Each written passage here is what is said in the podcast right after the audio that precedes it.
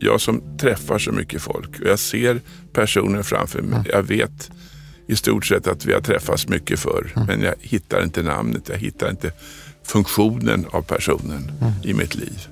Och det, det är ju ett, ett ganska tidigt tecken. Sen eh, vanliga minnesfunktioner, alltså att, att det kan tyckas banalt att inte veta vad man, komma ihåg vad man åt till frukost eller vad man hade för middag igår. Eller, det är värre när du inte hittar bilen i parkeringshuset. Och sen är ju det allt mer avancerat till- till att man inte känner igen sin omgivning. Eller att man inte känner igen sig själv i spegeln. Världen kraftsamlar just nu för att ta fram ett vaccin mot covid-19-viruset. Läkare, forskare och regeringar världen över samarbetar. Det är en kapplöpning mot klockan. Samtidigt har vi världens mest dödliga folksjukdom mitt ibland oss.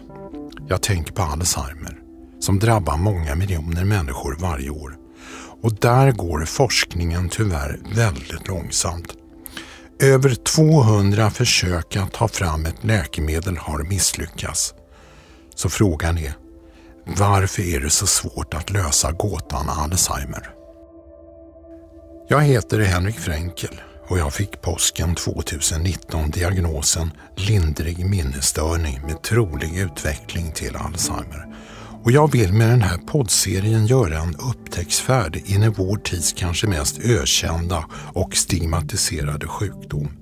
Jag ska träffa människor som kan hjälpa mig att förstå den sjukdom som drabbar 20 000 svenskar varje år, som har funnits i över 100 år och som ingen överlever. Följ med mig på en upptäcktsresa in i Alzheimerland.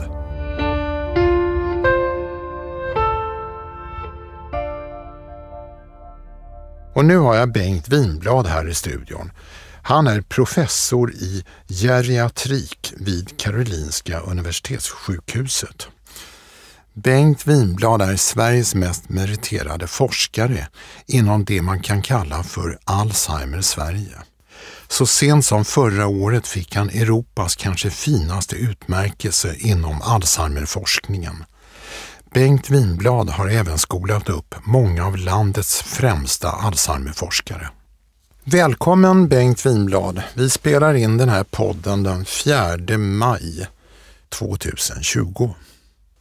Hur påverkar corona ditt eget arbete? Ja, det har eh, haft stora inverkningar på, på närvaron, på eh, verksamheten och eh, naturligtvis det internationella utbytet. Sitter du, sitter du i karantän eller är du på jobbet? Jag, jag är ja, så mycket jag kan på jobbet men, men låt oss säga att jag är kanske där tre dagar av fem i veckan så jag försöker hålla mig undan lite grann. Ja. Är du personligen rädd för viruset? Du är ju riskgrupp. Jag, jag, jag är skrämd av virusets effekter och eh, när man inte förstår mekanismerna, hur det verkar, så är det ju ändå mera otäckt. Man kan inte se det, man vet inte hur det påverkar svalg och lungor och symptomen är ju naturligtvis besvärande att höra hur våra patienter då lider under det här. Enligt en ny rapport så får var tredje intensivvårdspatient kognitiva problem, typ minnesförlust, aggressivitet och förvirring. Vad tänker du om det? Ja, jag, jag tycker inte det är konstigt. Ett virus påverkar ju alla celler i hela kroppen och eh, hjärnan är definitivt inget undantag. Och tyvärr så tror jag även att, att mycket av de här huvudsymptomen som vi ser, patienterna kommer in förvirrade, konfusoriska som vi säger. De kommer in och vet inte tid och rum var de befinner sig.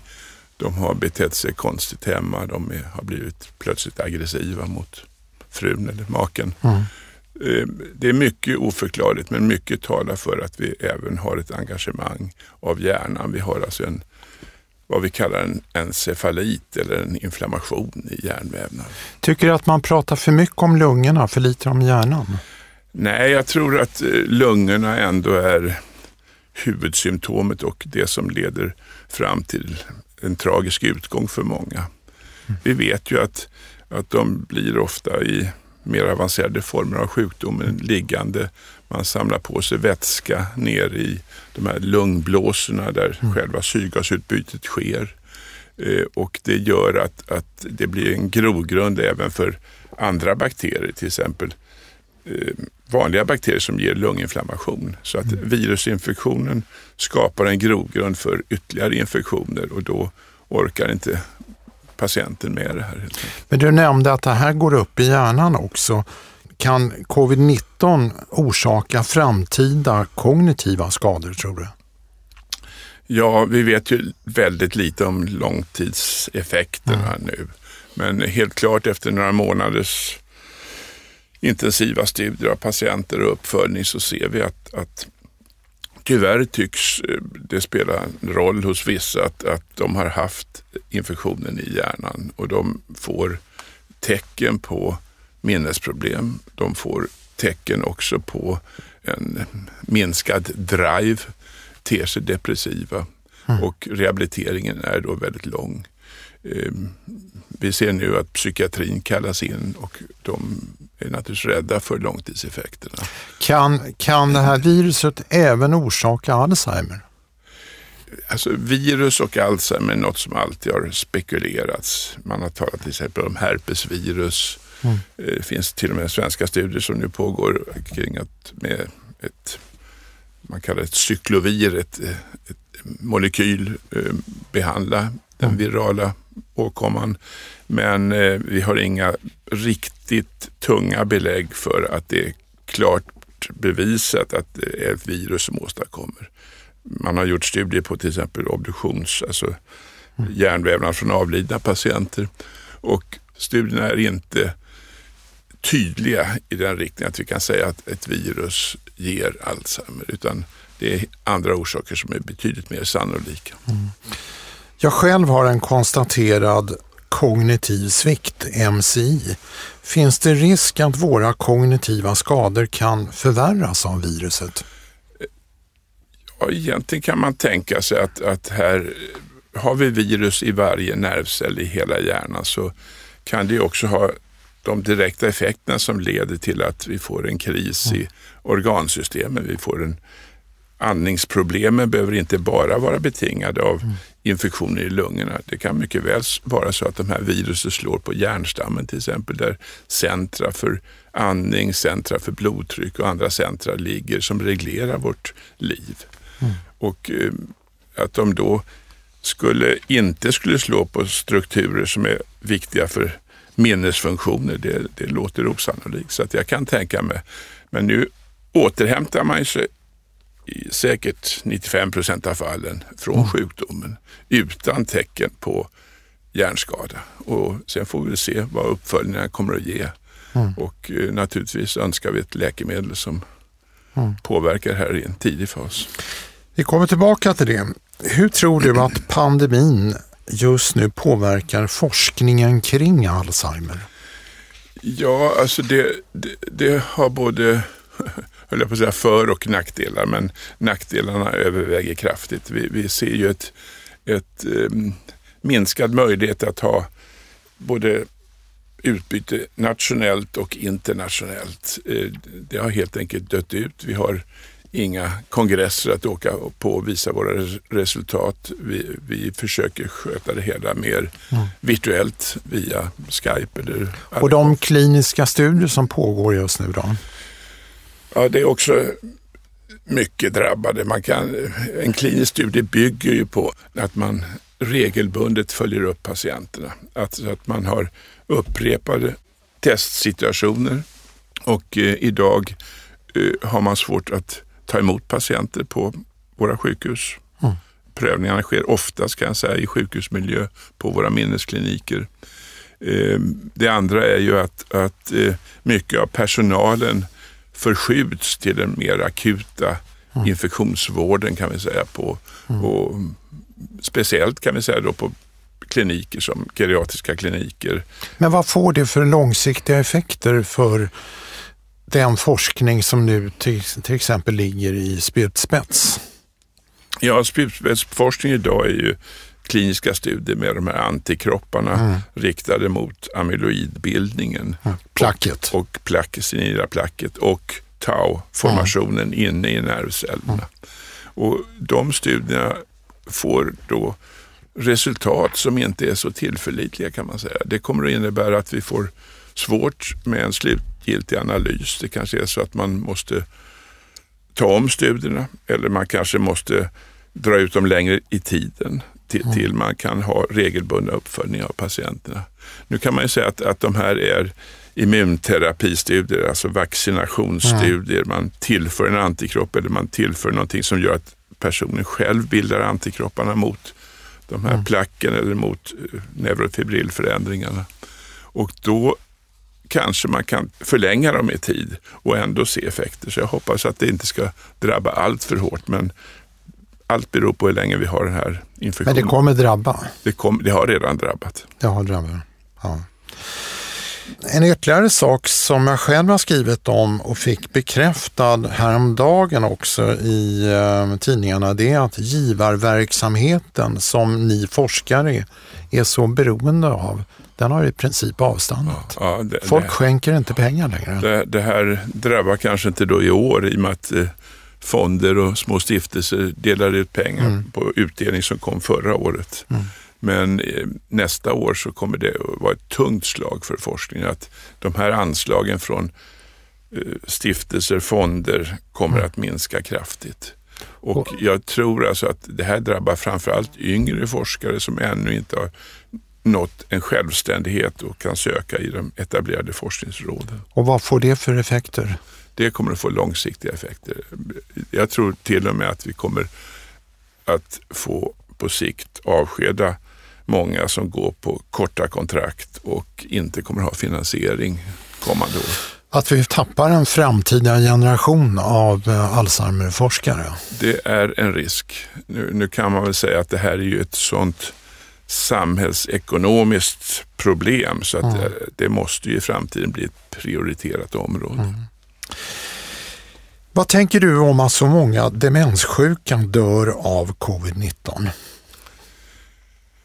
Ja, ja, det, det, är ju tragiskt kan man säga. Det, det ska inte vara så att demenssjuka har en sämre möjlighet utan de ska ha exakt samma möjlighet som vilken person som helst. Mm. Nu är det ju så att, att eh, smittsamheten i våra äldreboenden finns ju där. Eh, mm. Både naturligtvis orsakat av besökande personer, personal mm. eller patienters anhöriga och naturligtvis patienter som kommer in. Så att varifrån det kommer det kan jag inte uttala mig om. Men jag tycker att det här är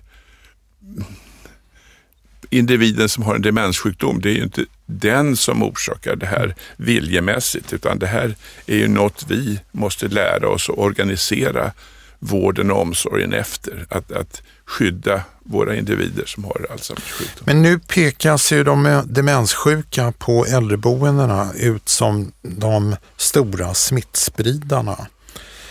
Finns det inte risk att man ökar stigmatiseringen av? Jag tycker det här är fruktansvärt att, att det ska ske. Man, man måste förstå att det här är individer som, där vi måste hjälpa till. Vi måste hjälpa dem, kompensera för de brister de har. Mm. Och naturligtvis så är det väldigt svårt för en person med intellektuella problem att klara av den dagliga aktiviteten. De är ju precis som vi sällskapssjuka, de går till grannarna, de mm. kramar om vänner.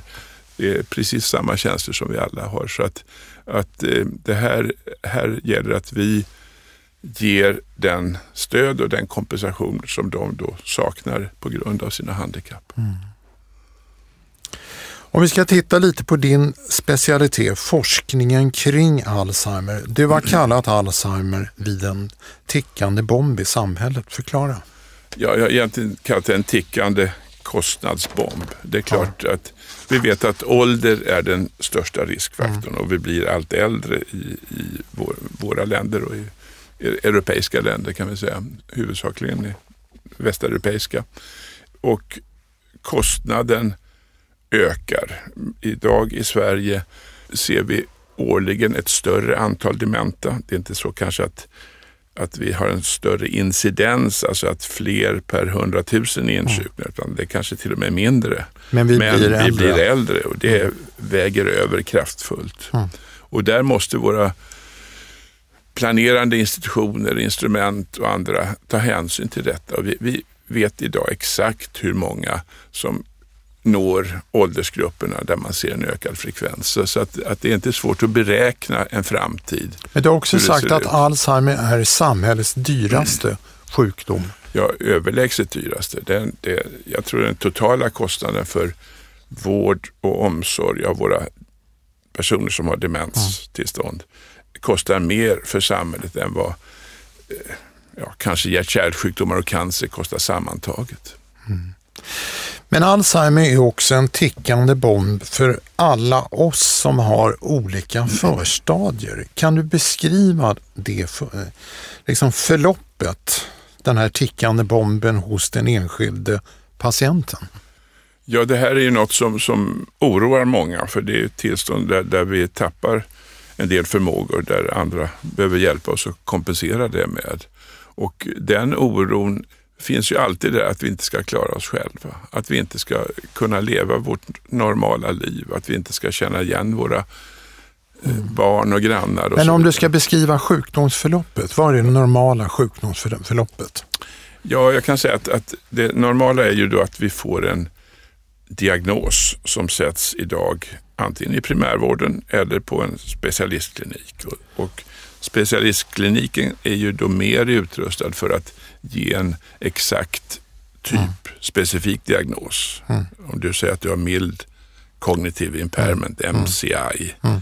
och så kan man säga att den är beroende av att man har en Alzheimer-patologi som underliggande orsak. Mm. Då krävs det att man förutom den goda kliniska kompetensen som naturligtvis finns inom alla kategorier av läkare, så krävs det instrumentell utrustning i form av de här avancerade eh, ska säga, röntgenundersökningar, magnetkamera, positronkamera. Men jag menar, vad är det som händer i min hjärna från det att jag märker de första symptomen? Ja, underliggande orsaken är att det händer någonting i nervcellerna. Varje nervcell har ju kanske kontakt med 10 000 andra nervceller. Mm. De här kontakterna, synapserna, nervensluten, mm. de skadas först och de påverkas och det gör ju att, att eh, när kontaktnätet minskar så blir varje tanke lite trögare kan vi säga. Mm. Det tar lite längre tid för att få det hela. Mm. Så att, och det ser vi att ger ge vi våra äldre och individer som har en, mm. ett demenstillstånd tid och koncentration så klarar de av saker ganska bra. Det finns men, alltså men om vi börjar, börjar med ett par saker som till exempel jag upptäckte och det var Dåligt minne, bristande uppmärksamhet, eh, tappa ord, inte känna igen folk. Ja. Vad, är det tidiga tecken? Ja, alla de är tidiga tecken och det är ofta man kommer in och säger att kanske inte känna igen folk, men kanske till och med känner igen, men kan definitivt inte namnge mm. personen. Det, det, är ett ändå tidigare tecken. Mm. Jag blir ofta uppringd av folk som säger att jag som träffar så mycket folk och jag ser personen framför mig. Jag vet i stort sett att vi har träffats mycket förr, men jag hittar inte namnet, jag hittar inte funktionen av personen i mitt liv. Och det, det, är ju ett, ett ganska tidigt tecken. Mm. Sen vanliga minnesfunktioner, alltså att, att det kan tyckas banalt att inte veta vad man, komma ihåg vad man åt till frukost eller vad man hade för middag igår eller det är värre när du inte hittar bilen i parkeringshuset. Mm. Och sen är ju det allt mer avancerat till att man inte känner igen sin omgivning eller att man inte känner igen sig själv i spegeln. Då är det en mycket mer nedförsbacke på, på kurvan. Mm. Och tyvärr är det här ett förlopp som kanske tar 10-12 år, 15 år. Har man en MCI alltså en tidig minnesstörningsdiagnos, mm. så, så kan man säga att det, det ökar risken till ett kortare livslängd. Och får vi en demensdiagnos så halverar den förväntad livslängd. Så att det är ju en ganska, skulle jag vilja säga, elakartad sjukdom. Men om man har en MCI som jag, hur långt är förloppet? alltså MCI-diagnosen. Det vill säga kognitiv svikt. Kognitiv svikt. Mm. Där måste man ju verifiera, det är inte bara vad du säger att du har, mm. eller din familj läkare. säger vad du har, eller mm. någon i omgivningen. Men jag har en konstaterad utan där, hos en läkare. Där gör man även en neuropsykologisk mm. undersökning kan man mm. säga, med minnestest. Jag har och, gjort allt det där. Och då har man verifierat att man har en MCI. Och sen kan man ytterligare spä på det genom att göra de här biomarkörtester. Man tar ett mm. ryggvätskeprov eller man tar en, en eh, positronkameraundersökning. Men jag menar, nu är jag ju nyfiken själv. Vad är tiden från det att man får en diagnos, en MCI-diagnos, eh, till att jag skulle kunna bli verkligt sjuk? Ja, du har ju inte en demensdiagnos än. Du, du har ju du är ju normalt fungerande i ja. samhället. Du är normalt fungerande med, med rörelser, motorik, ja. Eh, sköta dina bankkonton ja. och ditt arbete. Så, så, att, eh, men jag, jag skulle vilja säga att, att, nästa steg är ju att man inte klarar av de dagliga aktiviteterna. Då går det över i vad vi kallar en demensdiagnos som kan ha olika Jag var lite nyfiken orsaker. på år.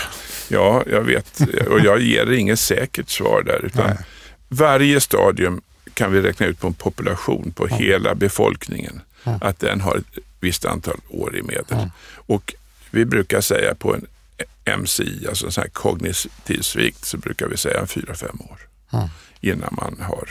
Men sen beror det helt på vilken typ av kognitiv svikt, vad ligger bakom denna? Det kanske är 12 år. Alltså jag, jag, jag har inget rakt svar, men annars brukar jag vara ganska ärlig.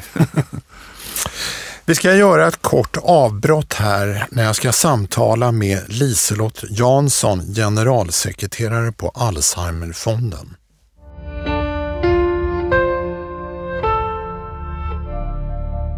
Hej Liselott på Alzheimerfonden. Hej Henrik. Jag är stolt ambassadör för er. Berätta lite om era insamlingar till forskningen. Ja, det är ett ganska tålmodigt arbete. Vi är ju, samlar ju in pengar från privatpersoner och företag eh, så mycket som det går och så delar vi ut så mycket som det går till svensk forskning. Primärt mot Alzheimers sjukdom men även andra demensdiagnoser där forskning pågår. Och hur mycket drar ni in? Ja, vi har ju nu de senaste 4-5 åren eh, delat ut någonstans mellan 25 och 30 miljoner kronor. Mm. Och det är ganska mycket pengar.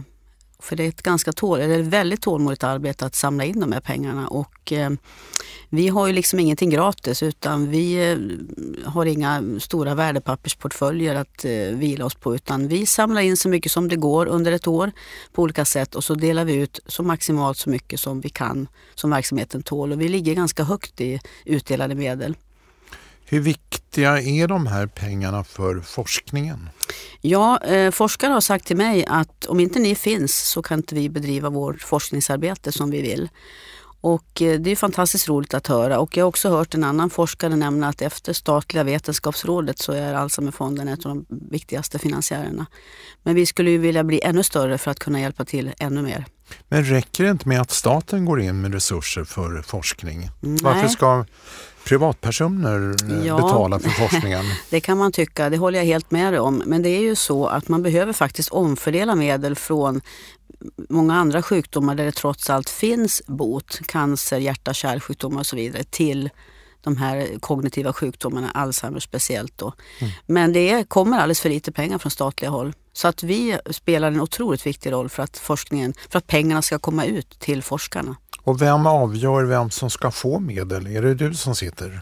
Nej, det är inte jag utan vi gör så att man, forskarna ansöker hos oss via vår hemsida och sedan har vi ett väldigt, väldigt namnkunnigt vetenskapligt råd med professorer från hela landet som är erkänt duktiga som hjälper oss att utvärdera de här projekten och då sätter vi lite riktlinjer från fondens styrelse vad vi vill att man ska fokusera på, exempelvis klinisk forskning, patientnära forskning och så vidare. Va? Och sedan så är det i slutändan eh, fondens styrelse som beslutar då, men på inrådan av ett vetenskapligt råd som är kunniga inom området. Och om man nu känner att man vill bidra, vad gör man då? Ja, då kan man gå in på vår hemsida och sätta in en engångsgåva. Man kan också betala in direkt på våra bank och postgirokonton. Eh, man kan också starta olika insamlingar. Om man fyller år och man tycker man har tillräckligt mycket presenter så kan man starta en insamling till förmån för oss. Eh, har man inga arvingar eller vill styra över sina, eh, sin kvarlåtenskap när man inte finns mer så kan man skriva ett testamente till förmån för oss. Och det finns många olika sätt men sen kan man också ringa till oss och föreslå olika idéer. Det tycker vi bara är trevligt om folk hör av sig. Men det finns många sätt att bidra på. Företag kan bidra med årets julgåva till oss till exempel. Bra, låter spännande. Lycka till med insamlingarna. Tackar.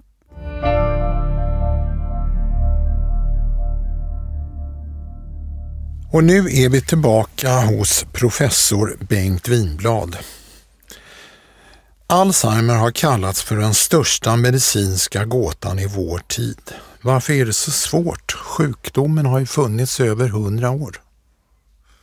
Ja, sjukdomar i hjärnan är svåra att lösa. Det är ingen tvekan. Det gäller både psykiatriska tillstånd och, och mer neurologiskt eh, anknutna tillstånd. Jag tycker att det här är kunskapen har ökat enormt. Alltså det var inte så hemskt många år sedan, kanske 30 år sedan, som vi egentligen visste vad det var som var huvudorsaken till nervcellsdöden i sjukdomen. Och då talar jag om det här betamyloid och de mm. senila placken. 30 år är kanske för patienter och anhöriga en otroligt lång tid.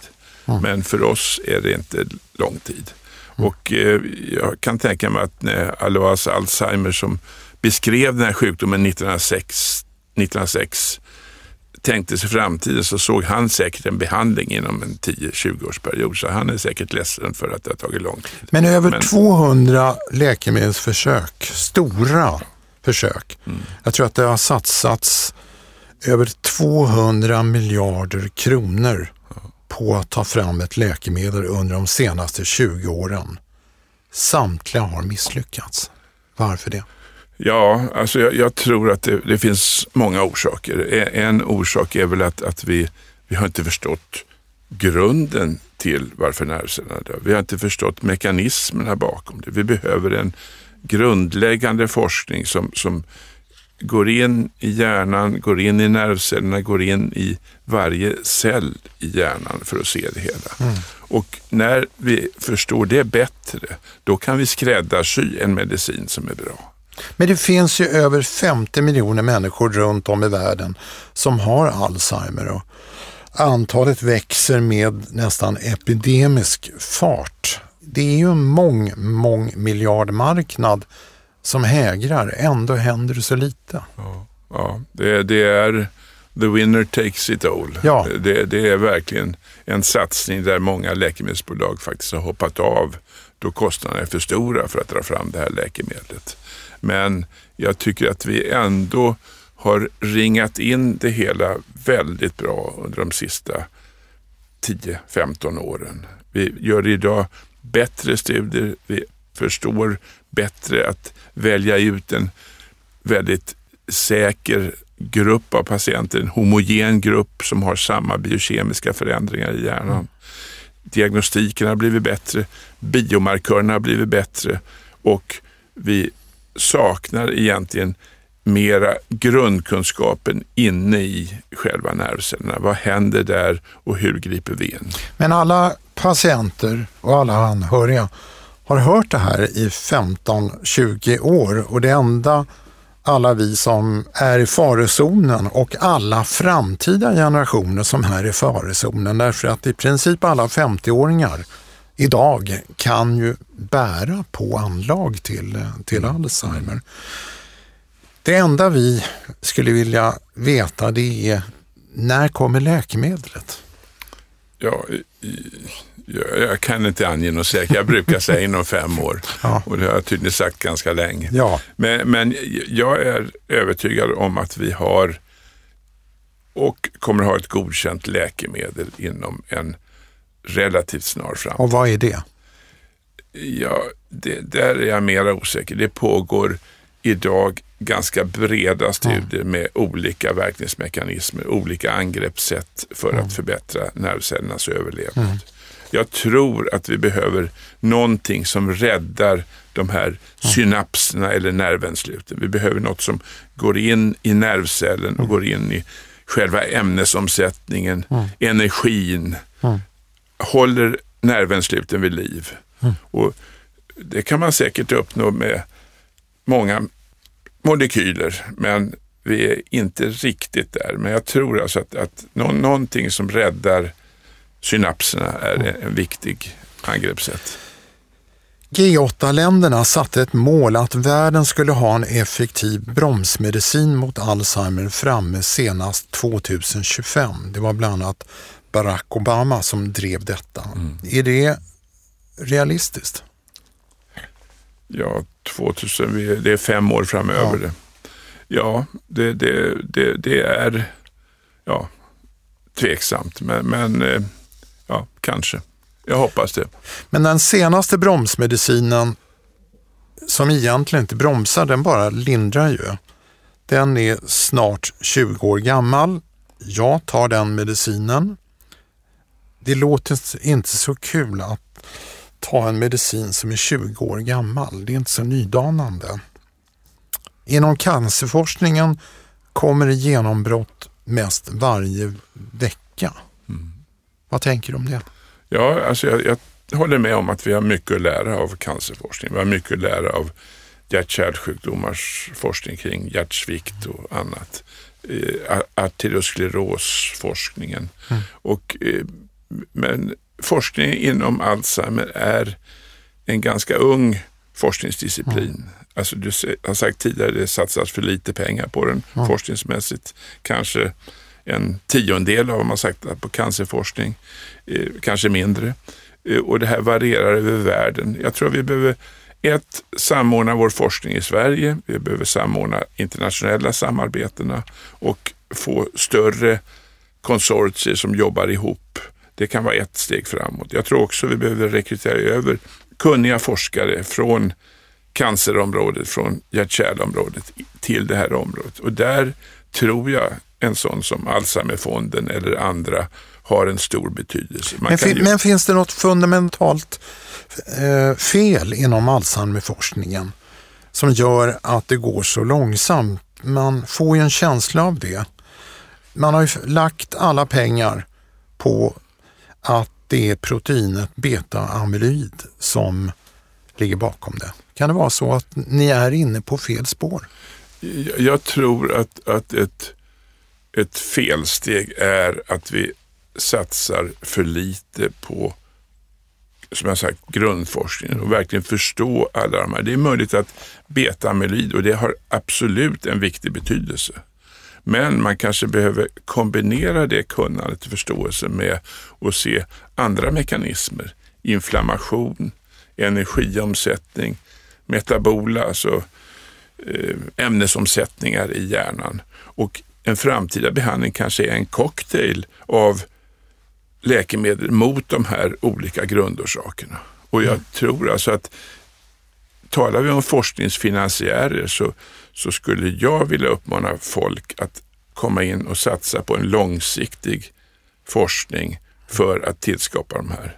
Men det kommer en del nya teorier kring Alzheimer som inte har med beta-amyloidspåret eh, egentligen. Jag tänkte testa dem på dig. Ja. En är att hjärnskadan som till exempel jag har och andra som har olika grader av eh, stadier eller förstadier kan vara orsakad av inflammation i tarmen. Vad tänker du om det? Ja, alltså jag, jag, ska inte säga att jag är någon expert på tarmen och, mm. och dess bakterieinnehåll, men det har ju kommit en del studier där man kopplar eh, tarmfloran till infektioner i hjärnan. Det mm. finns alltså nervbanor, nerver som eh, har samband både med tarm och hjärna. Mm. Eh, bland annat så har det här nya kinesiska läkemedel som nyligen har registrerats från ett bolag som heter Green Valley i Shanghai. Tror jag. Som kommer från havsalger.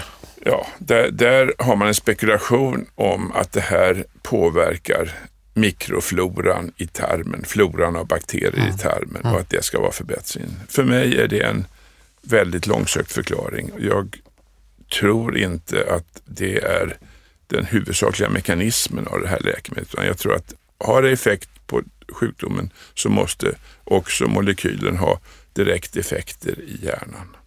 Men kan det vara en tänkbar utväg att sikta på magen och inte direkt på hjärnan? Eh, ja, eh, jag kan säga att jag, jag har inte alls den forskningsinriktningen och jag, jag är ganska skeptisk till samarbetet mellan de två organen. Mm. Jag tänker att genom att påverka tarmfloran så skulle man kunna förhindra eller bromsa inflammationen i hjärnan. Ja. Som sätter igång ja, ja. Alzheimer. Vi vet ju att en generell inflammation i kroppen som blir väldigt långdragen, mm. den kan leda till amyloidinlagring även i perifera organ. Mm.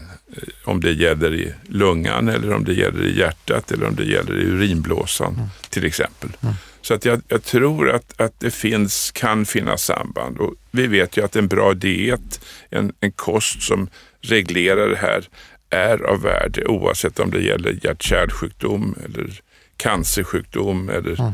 möjligen Alzheimer. Mm. Så att, att jag, jag, ska inte utesluta men jag är ingen fan av tarmfloran och, och att det är som en förklaring till Alzheimer.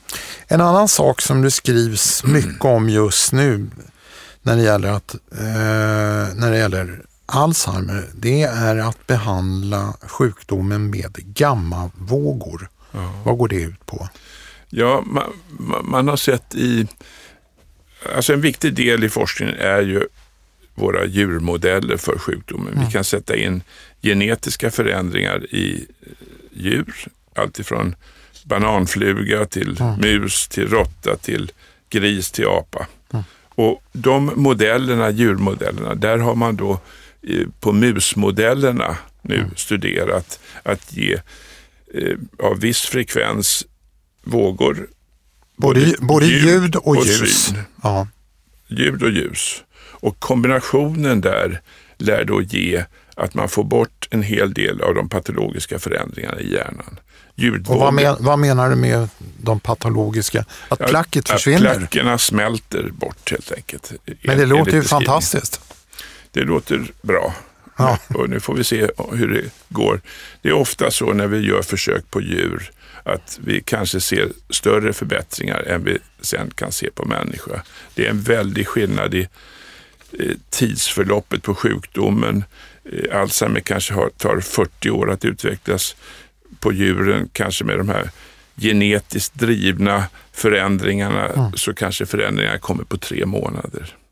Så att, att eh, men men utesluter du inte? Utesluter jag utesluter inte och jag, jag, jag, tycker att det är ganska spännande att man med då enkla medel som hörlurar, glasögon som ger 40 hertz ljusstimulation eller mm. 40 hertz ljudstimulation ska kunna påverka hjärnan. Mm.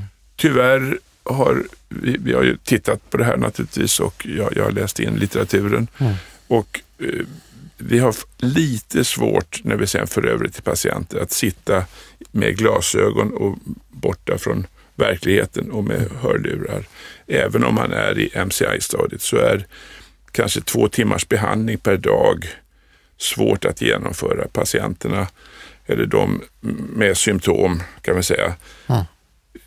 är inte riktigt mottagliga för det. Men det låter som en billig metod. Om, ja. vi, om vi tittar på det som man tittar på mest nu som ett framtida läkemedel, det är ju antikroppar. Eh, det är ett vaccin eh, kan man säga. Och om jag har förstått det hela rätt så om man lyckas ta fram det här vaccinet så skulle det bli oerhört dyrt. Jag har hört siffror på en kvarts miljon per patient och år. Är det realistiskt med ett sådant vaccin? Eh, det, det, är ju, det, det är ju en pröv, en test kan man säga på det här med att amyloid eller tau, de mm. två förändringar som Alois Alzheimer beskrev 1906, mm. att det är de två som är huvudorsaken till sjukdomen. Mm. De flesta studier nu är inriktade mot amyloid. Det pågår mm. även vaccinationsstudier eh, mot tau. Men jag menar, är det realistiskt med en sån dyr medicin? Om ja, den kommer fram? Om man bara tittar ur ett samhällsekonomiskt perspektiv så låter det väldigt dyrt. Men, men, att producera antikroppar som man gör vid den här passiva mm. immunterapin eller vaccineringen är ju egentligen en aktiv vaccinering där individen själv producerar antikropparna mm. eh, som då skulle bli billigare. Men vid den passiva så en kostnad på en kvarts miljon per patient och år mm. och så skulle det multipliceras med antalet individer vi kan behandla som i Sverige kanske är, låt oss säga, av, om alla Alzheimer-patienter, om de säger att de är 100 000, mm. så skulle det vara 30 000 som befinner sig i en, i en tidigt stadium. Mm. En tredjedel säger mm. Och 30 000 gånger en kvarts miljon är rätt mycket pengar. Då, det är 15 miljarder. Då får vi stänga eh, Karolinska eller Danderyd och Karolinska. Så varför sätter vi sådana stora förhoppningar till en medicin som vanliga patienter ändå inte kommer kunna få? Vi ser att kostnaden ändå för att tillverka antikroppar har gått ner ganska kraftigt och skulle det här bli en, en godkänd studie. Det krävs naturligtvis en ordentligt godkänd studie utan för mycket biverkningar och det, det, är nästa krux. Då kommer man in på kostnadsersättningen och kostnaden för samhället. Och då kan man säga att det här känns dyrt, men jag tror att man i framtiden kommer att kunna pressa priset väldigt på antikroppstillverkningen. Men blir det inte så att det är bara vissa patienter som kommer få de här läkemedlen ja, i framtiden? eller i vissa länder men inte i andra länder. Vi har ju sett mm. samma i Europa där vi har mer höginkomstländer och medelhöga inkomstländer. Mm. Alltså det här är ingen demokrati i det utan det blir de rika eller rika individerna som har råd att införskaffa. Mm. Vi ska försöka avrunda. Du är idag precis fyllda 77 år, eller nästan. Nästan. Drygt. Ja. Drygt. Och du är i högsta grad riskgrupp för Alzheimer och demens och du har sett tusentals patienter med demens. Du måste ju ha tänkt tanken att du själv kan drabbas. Vad tänker du om det? Ja, jag, jag, jag har inte... Jag, jag är, går inte och tänker på och är orolig för det egentligen. Utan, utan jag vet ju att jag kan drabbas. Och att, att jag hoppas naturligtvis då att vi ska ha en, en eh, behandling som är mer effektiv i form av ett läkemedel. Mm. Men jag tycker framstegen idag ändå har varit stora när det gäller, när jag kom till Stockholm 87 ifrån Umeå, mm. Mm. då fanns det ingen, man visste knappt vad Alzheimers sjukdom var. Mm. Vi hade en vårdform när man var mer avancerat sjuk avdelad med 60 patienter. Ganska snart blev det 30 patienter, ganska mm. snart var det 15 eh, platser i demensboenden. Sen kom boendekollektiver, sen kom dagvården, sen kom nattvården, avlösning. Alltså framstegen i vården, om jag tittar tillbaka, är enormt positiva. Men frågan var riktad till dig personligen. Ja, säger... Vad i förloppet mot demens skulle vara mest skrämmande för dig? Ja, mest skrämmande är då att inte klara klarar att leva ett eget liv. Alltså det, det är det här beroendet av omgivningen mm. som supportive som, som kanske eh, vi inte är riktigt vana vid. Men jag skulle naturligtvis ta emot den och jag känner att, att eh, professionaliteten i vården och omsorgen finns där idag för att kunskapen finns. Och jag men, närmaste familjen, åtminstone min, mm. känner jag mig ganska trygg med. Mm. Så att, så att eh, jag, jag, är, jag kan tänka mig, blir jag dement så, så hoppas jag ändå att jag ska få en, en optimal vård och omsorg och jag hoppas på ett bättre läkemedel. Men för det krävs det mer forskning. Jag hoppas också att forskningen gör fantastiska genombrott snabbt. Tack professor Bengt Winblad och tack alla ni som har lyssnat.